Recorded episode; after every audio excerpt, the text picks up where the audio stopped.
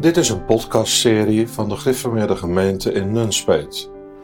Jongeren en natuurlijk ook ouderen kunnen vragen stellen over de door mij gehouden preken in onze gemeente. Deze vragen worden dan in deze podcastserie door mij beantwoord.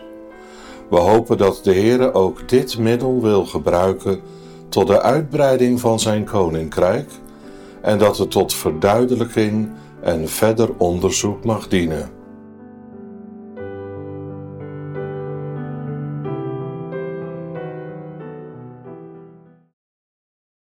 Ik heb de volgende vraag binnengekregen. U benoemde in deze middagdienst in de toepassing dat we er zelf tussenuit moeten.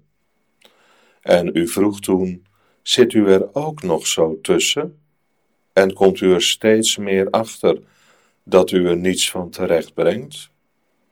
Ik weet dat het een godswerk is, maar hoe kan een mens er dan zelf tussenuit? Als ik me nu aangesproken voel door uw woorden, hoe moet ik dan verder?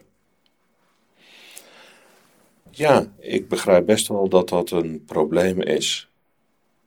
Wij weten dat we er tussenuit moeten. We zijn het daar hopelijk ook mee eens. En toch is dat iets waar alles in ons tegen strijdt. Eigenlijk wil een mens niet zalig worden uit genade. Want zalig worden uit genade, dat betekent dat van mij helemaal niets meetelt.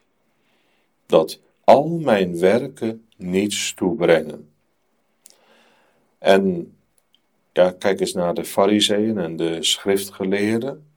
Die boodschap die de Heer Jezus bracht, die viel bij hen helemaal verkeerd.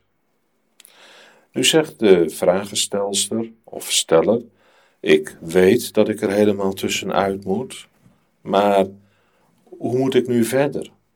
Hoe kom ik nu op dat plaatsje? Ja, daar is een wonder voor nodig. Want een mens blijft vasthouden. Ik moet denken aan een heel ingrijpend voorbeeld wat uh, Thomas Boston geeft in de viervoudige staat. Als hij het heeft over dat een mens zo vastzit aan het werkverbond. Hij zegt: een mens houdt zo aan het werkverbond vast, net als een man die zich vasthield aan de rand van een schip. Dus stel je voor, iemand is half overboord. Hij hangt aan de rand van het schip en hij houdt zich met zijn beide handen heel stevig vast. En Boston zegt, als zijn ene hand er afgehakt wordt, dan houdt hij zich nog met zijn andere hand vast. Hij laat niet los. En als zijn andere hand er afgehakt zou worden, dan, dan bijt hij zich met zijn tanden nog vast. Maar hij laat niet los. Nou, zo zit een mens vast aan het werkverbond. Hij moet daarvan losgemaakt worden. En heel onderwijzend zou zijn om te lezen wat Boston daar verder ook over schrijft in de viervoudige staat, als hij het heeft over de twaalf bijlslagen. En dan tekent hij hoe dat de Heere mensen van de oude stam Adam afhakt om ze in te lijven in de nieuwe stam Christus. En vraag of dat proces in uw of in jouw leven mag gebeuren. En dat lijkt misschien een hele lange, eindeloze weg. Maar Boston schrijft ook zo mooi. De Heer kan dat ook in een korte weg doen. En dan geeft hij het voorbeeld van een huis. Hij zegt als een huis afgebroken moet worden, dan kun je dat steentje voor steentje doen. En dan ben je heel lang bezig. Maar je kunt ook het fundament ondergraven. En dan stort het huis in één keer in. Het resultaat is hetzelfde. Het wordt afgebroken. Of in een korte, diepe weg, of in een lange, langzame weg. Maar alles wat van ons is, dat moet afgebroken worden. Zodat we de hoop opgeven om uit onszelf zalig te worden.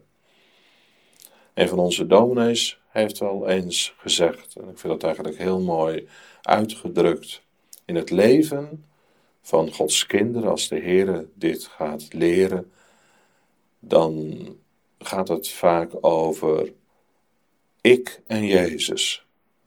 Maar hoe meer ontdekking dat de Heer gaat geven, dan wordt het anders. Dan wordt het Jezus en ik. En als er dan nog meer ontdekking komt, dan wordt het Jezus alleen. En daar moet het naartoe, want de Heer Jezus is een volkomen zaligmaker.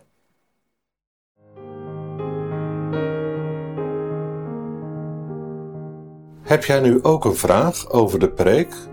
Kijk dan op gergemnunspeet.nl slash podcast. Je kunt daar een vraag indienen en alle eerder beantwoorde vragen terugvinden.